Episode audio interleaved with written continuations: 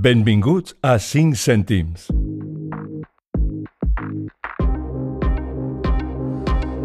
Un podcast per fer un tastet de cultura, fe i actualitat.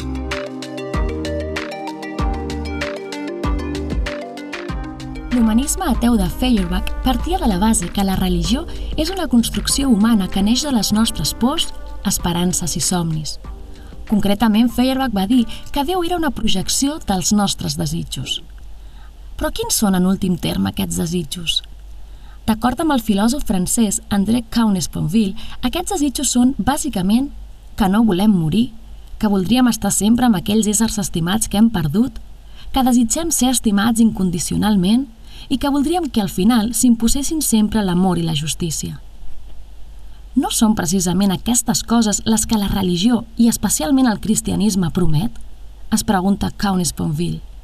La seva conclusió, però, és sorprenent, doncs si el cristianisme fos capaç d'oferir tot això, diu, seria simplement massa bo per ser veritat. Amb un raonament semblant, en el llibre The Madness of Crowns, el periodista britànic Douglas Murray parla dels temes més polèmics del segle XXI, com ara la sexualitat i les qüestions de gènere, la tecnologia i la raça, i els presenta tot ells com a narratives que pretenen substituir i superar, sense gaire èxit, la narrativa de les grans ideologies polítiques del segle passat i sobretot la gran narrativa de la religió en la seva funció de proporcionar el marc que ajudi a donar sentit a la vida. Armand Puig, rector de l'Ateneu Universitari Sant Pacià i especialista en Sagrada Escriptura, és de l'opinió que les religions tenen un paper molt important a l'hora de repensar un món que ja donava mostres preocupants d'esgotament abans del coronavirus. En aquest sentit, Puig destaca l'encert del papa Francesc quan al moment més àlgid de la pandèmia a Itàlia va aparèixer enmig d'una plaça de Sant Pere deserta fent al·lusió a la història bíblica de la Torre de Babel on s'explica que gràcies a la fabricació de maons, aleshores un gran avenç tecnològic del neolític, els homes van decidir construir una torre amb la qual pretenien arribar al cel i així aconseguir la fama eterna. Tot plegat podria semblar només una història llegendària, però segons Armand Puig és el paradigma de la nostra època. Perquè hem pretès construir una civilització que es creia no tenir límits, fins que ha arribat la Covid-19 i ens ha mostrat que sí que els tenim.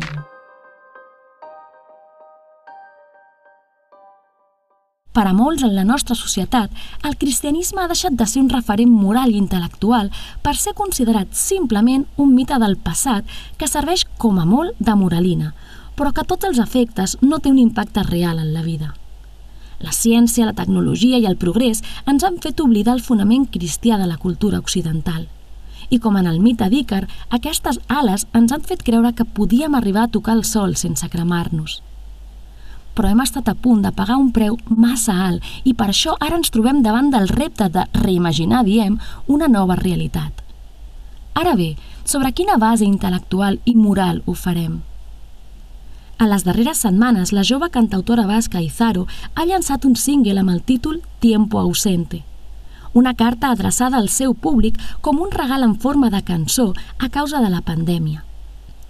Tiempo ausente ha estat escrita durant la quarantena i expressa els sentiments que la cantant ha anat experimentant al llarg d'aquestes setmanes d'incertesa.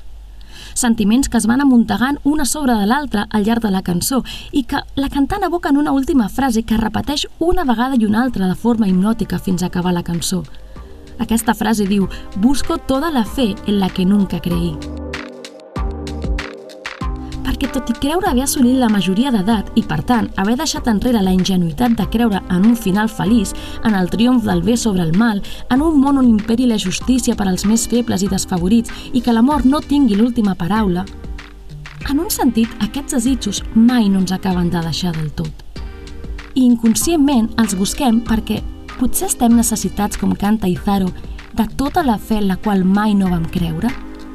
Us convidem a pensar-hi. Moltes gràcies per donar-nos uns minuts del vostre temps.